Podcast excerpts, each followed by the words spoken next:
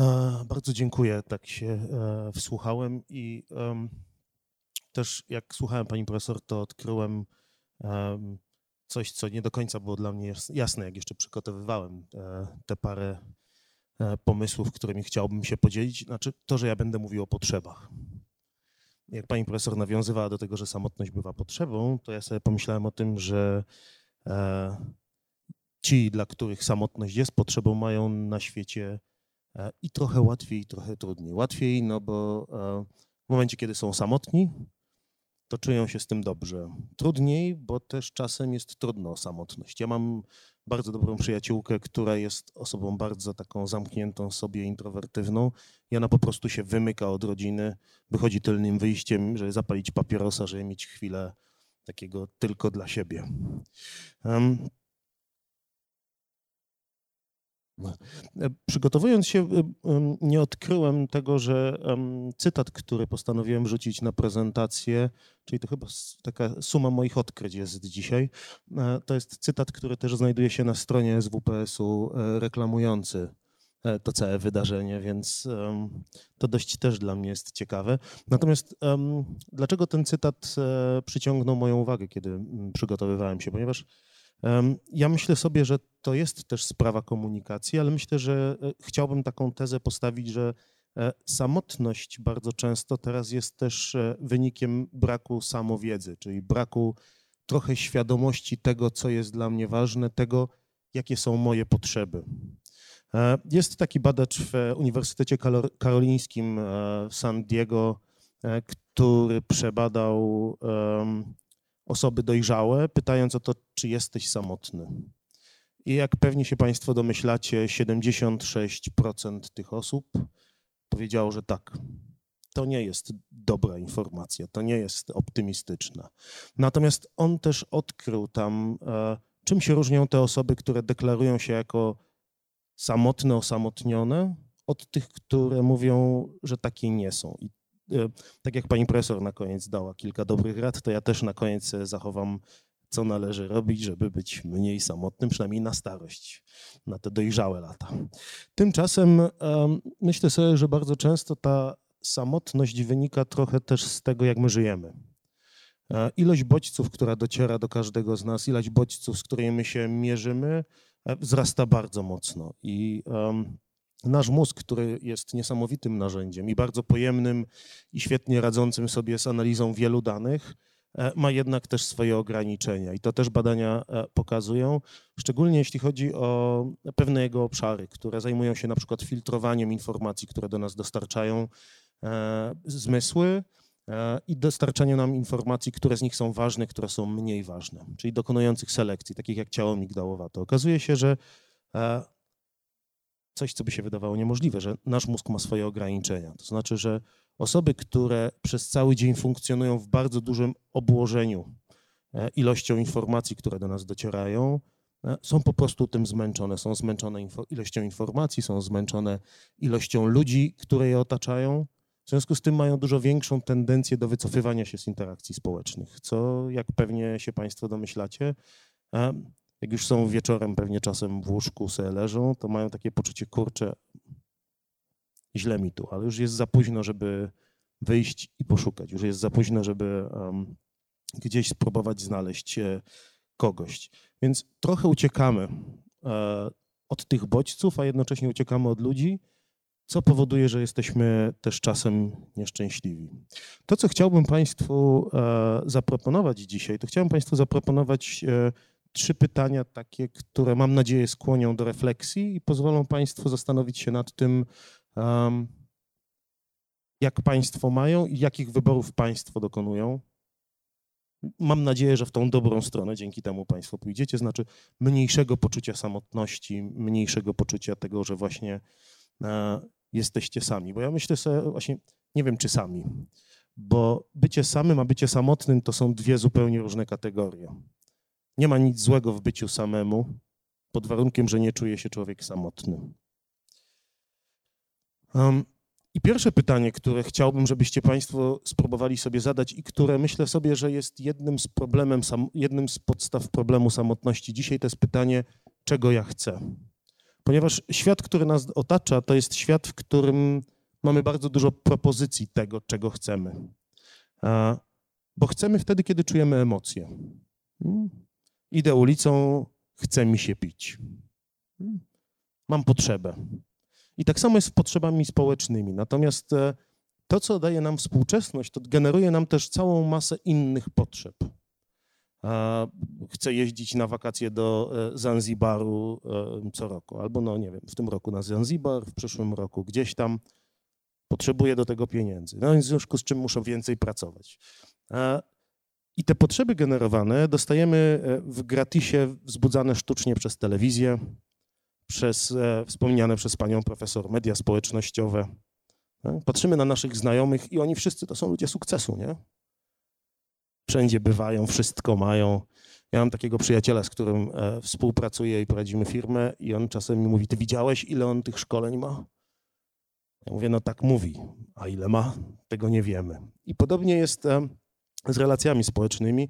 To też znowu pani profesor e, nawiązywała do tego, że my nie wiemy, kto przeżywa samotność. To, że my widzimy w mediach, czy my widzimy w telewizji kogoś, kto jest rozchwytywany, kogoś, kto ma mnóstwo popularności, to wcale nie wiemy, jak on ją przeżywa. No i tutaj przykład um, jednego z muzyków Avicii. Nie wiem, czy Państwo kiedykolwiek spotkali się z nim, taki DJ. Człowiek, który ma mnóstwo hitów, miał mnóstwo hitów, podróżował po świecie. Jest mnóstwo um, filmów, na których można zobaczyć, jak całe tłumy ludzi szaleją e, w momencie, kiedy on stoi za konsolą. Tak, pewnie też część z Państwa o tym wie, że to jest człowiek, który popełnił samobójstwo i mm, popełnił samobójstwo właśnie z takiego poczucia, że był samotny, że żadne jego potrzeby nie były realizowane, że dostał się w, taki, w jakiś taki młyn, z którego nie umiał wyjść. Um, inna sytuacja to sytuacje różnych instagramerów, gdzie już nawet są takie prześmiewcze filmiki na internecie pokazujące z jednej strony idealnie ubraną kobietę, która stoi przed lustrem w jakiejś super kreacji. Hmm? A potem okazuje się, że to było 200 ujęć, które zajęły 4 godziny, do tego makijaż, który był trzy razy nakładany. Nie starcza czasu na relacje, na prawdziwe, głębokie relacje z ludźmi, no bo ta warstwa um, tworzenia wizerunku zabiera za dużo czasu. Natomiast my patrząc na to, mamy poczucie właśnie, jak nie chcesz być samotny, to musisz być taki. I potem pojawia się taka rozbieżność. No, jeżeli ja to realizuję, a tego nie mam, to coś ze mną jest nie tak. Natomiast to, do czego ja bym chciał Państwa zachęcić, to właśnie do takiego zrobienia kroku wstecz i zastanowienia się nad tym, do czego ja chcę. Czy na pewno tego, co dają mi media? A jeśli już wiem, czego chcę, to czy ja jestem gotowy do tego, żeby się do tego przyznać? Czy ja jestem gotowy do tego, żeby przed innymi ludźmi powiedzieć, że dane zachowanie albo dane postępowanie nie realizuje moich potrzeb? I tutaj chciałbym się odwołać do e, dla mnie bardzo doskonałej książki profesora Szlendaka, to jest socjolog, który już chyba paręnaście, a może parę jeszcze lat temu popełnił taką książkę e, Leniwe maskotki i e, e, rekiny na smyczy. Jest to książka, która mówi o współczesnych mężczyznach i o współczesnych kobietach i o tym, jak media masowe produkują wizerunek tego, jacy powinniśmy być, żeby się odnaleźć. No to jaki powinien być mężczyzna? Mężczyzna powinien być z jednej strony silny, ale z drugiej strony delikatny. E? Mężczyzna powinien rozumieć e, kobietę i innych ludzi w ogóle dookoła, być empatyczny i taki wspierający, ale z drugiej strony nie powinien się przejmować za bardzo, bo w sytuacjach trudnych powinien sobie z tym radzić. E? W drugą stronę mamy taki wyidealizowany medialny obraz kobiety, która musi być samodzielna. Musi sobie ze wszystkim radzić. Musi wszystkiemu podołać. Hmm?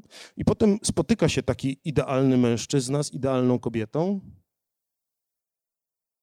I okazuje się, że żadne z nich w tej relacji, w tym związku nie odnajduje tego, czego potrzebuję.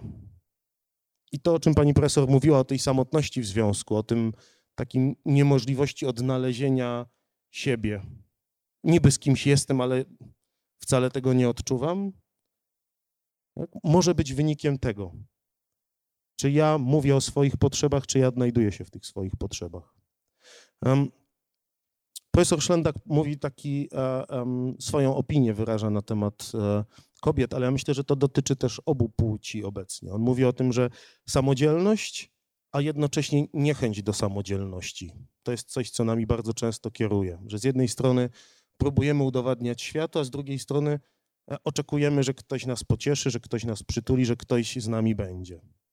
I jeżeli my sami w sobie nie jesteśmy się w stanie dogadać, jeżeli sami w sobie nie jesteśmy w stanie dojść do tego, czego potrzebujemy, to bardzo rzadko odnajdujemy to w relacjach społecznych. W związku z tym, nie wiem, wychodzimy ciągle na jakieś imprezy, wychodzimy spotykać się z ludźmi, wracamy do domu i mamy poczucie, kurczę, byłem tam, ale właśnie byłem samotny. Nic mi to nie dało, nie miałem poczucia bliskości. Zamiast zadać to sobie pytanie, czego chcę, i być może potem szukać tej przestrzeni do realizacji tego, czego ja chcę.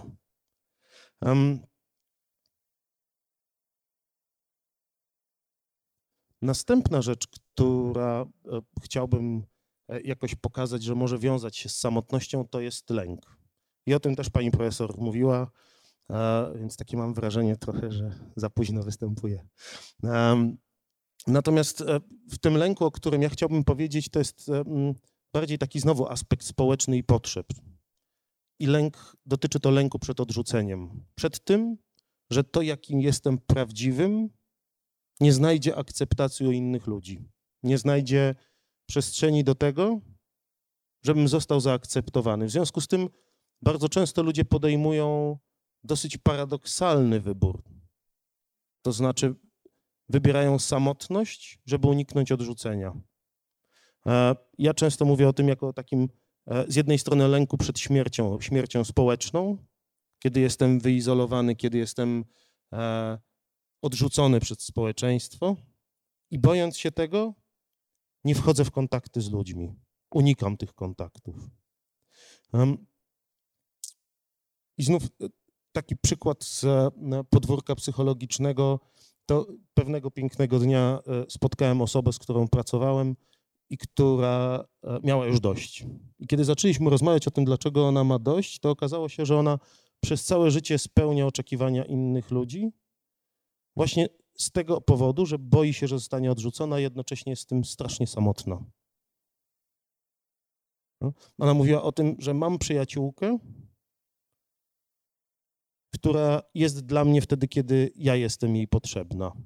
Ale w momencie, kiedy ja jej potrzebuję, to ja nie jestem w stanie jej tego powiedzieć, a ona raczej zajmuje się swoimi sprawami. I to, co ona odkryła, być może po raz kolejny e, w rozmowie ze mną, to odkryła to, że e, dopóki nie zmieni swojego sposobu funkcjonowania, nie zaryzykuje. I być może doświadczy u części z osób, z którymi była w relacjach odrzucenia, ale jest też spora szansa, że z innymi nawiąże głębszą relację, to ta jej samotność może się pogłębiać. To ta jej samotność może nie znajdować e, wyjścia, może być taka jak e, e, aż do śmierci. Hmm?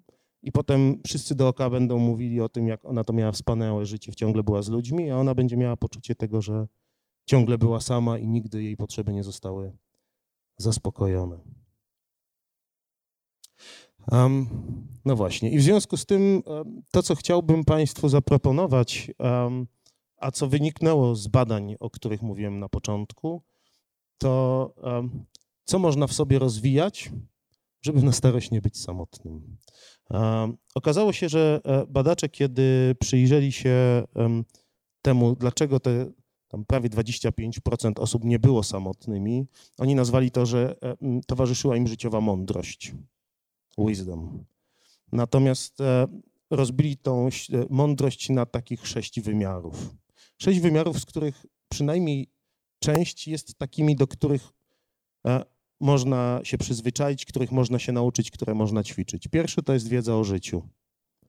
No i jak rozumiem, pierwszy krok Państwo dzisiaj wykonaliście, przybywając tutaj, starając się zrozumieć różne perspektywy życia, między innymi różne perspektywy samotności. Ale to też jest e, przyglądanie się życiu i doświadczanie go, czyli trochę zwolnienie z biegnięciem do przodu, a bardziej poczuciem tego, co się wokół mnie dzieje. Drugi aspekt to jest umiejętność zarządzania emocjami. To jest ćwiczenie się w tym, czy emocje to jest jedyna rzecz, która moim życiem ma rządzić, czy nie. Czy czasami nie warto zatrzymać tych emocji, powstrzymać się przed reakcją, wybrać na rozsądek, bo długofalowo przyniesie to dużo lepsze rezultaty niż bycie w takich wichrach namiętności. Wiem o czym mówię, jak pani profesor pokazywała typologię, to ja zdecydowanie jestem ta żółta część, choleryczna, e, ekstrawertywny, impulsywny, więc e, to też jest moja praca, z którą ciągle się mierzę. E, trzeci obszar to jest empatia, altruizm, wspieranie innych, czyli umiejętność stawiania się w perspektywie innych ludzi po to, żeby zrozumieć, co jest dla nich ważne, jak oni się czują, jak sobie e, w różnych sytuacjach nie radzą i co możemy zrobić, żeby im pomóc. E, to nie jest jednoznaczne z tym, że wszystkim musimy pomagać, ale żeby mieć taką kompetencję, żeby wiedzieć o tym, e, co mogę zrobić. Kolejne to jest wgląd w siebie. I to jest to, od czego często uciekamy. I myślę sobie, że codzienność nie sprzyja temu, żeby w ogóle mieć wgląd w siebie. A samotność, choć czasem bolesna, jest też przestrzenią do tego, żeby się coś pojawiło. Ja często pracując z ludźmi mówię o tym, że nic się nie pojawia do momentu, kiedy nie pojawia się cisza. Jeżeli wokół nas jest chaos, jest hałas, są ciągle ludzie, to bardzo trudno jest usłyszeć coś, co dzieje się w środku. I nawet osoby, które potrzebują zajrzeć do środka, właśnie wtedy szukają odosobnienia, szukają okazji do tego, żeby zobaczyć. Więc ten taki erem, taki moment, w którym ja się chowam przed światem, nawet jak to nie jest wygodne, bo ja generalnie lubię ludzi, to jest też moment, w którym ja mogę zobaczyć swoją potrzebę, ja mogę zobaczyć, co jest dla mnie ważne, a dzięki temu, że to później zgłoszę do świata, powiem innym ludziom, z którymi e, jestem, to mam szansę na to, że moja potrzeba zostanie zaspokojona. Mam szansę na to, że ci ludzie powiedzą, aha, okej, okay, to masz. Zamiast frustrować się, że ciągle nie umiem tego znaleźć, nie wiem, wszystko robię, a jest źle. To, co dla mnie osobiście było dość zaskakujące na początku, to jest to, że te osoby bardzo mają wysoką akceptację różnorodności. I w pierwszej chwili sobie pomyślałem, no okej, okay, ale jak to się ma do bycia samotnym? A potem, e, jak zacząłem się wczytywać i też sobie nad tym e, zastanawiać się, no to przecież to nie jest aż takie dziwne, nie? że jeżeli akceptuję różnorodność, to też akceptuję różne rzeczy, które mi się przytrafiają w, życiu. Akceptuję bardzo różnych ludzi z ich poglądami, z ich podejściem do świata, z ich otwartością albo zamkniętością. W związku z czym mam dużo więcej szans na to, żeby być w kontaktach ludzkich, żeby nie czuć się samotnym. Nawet czasem w sieci.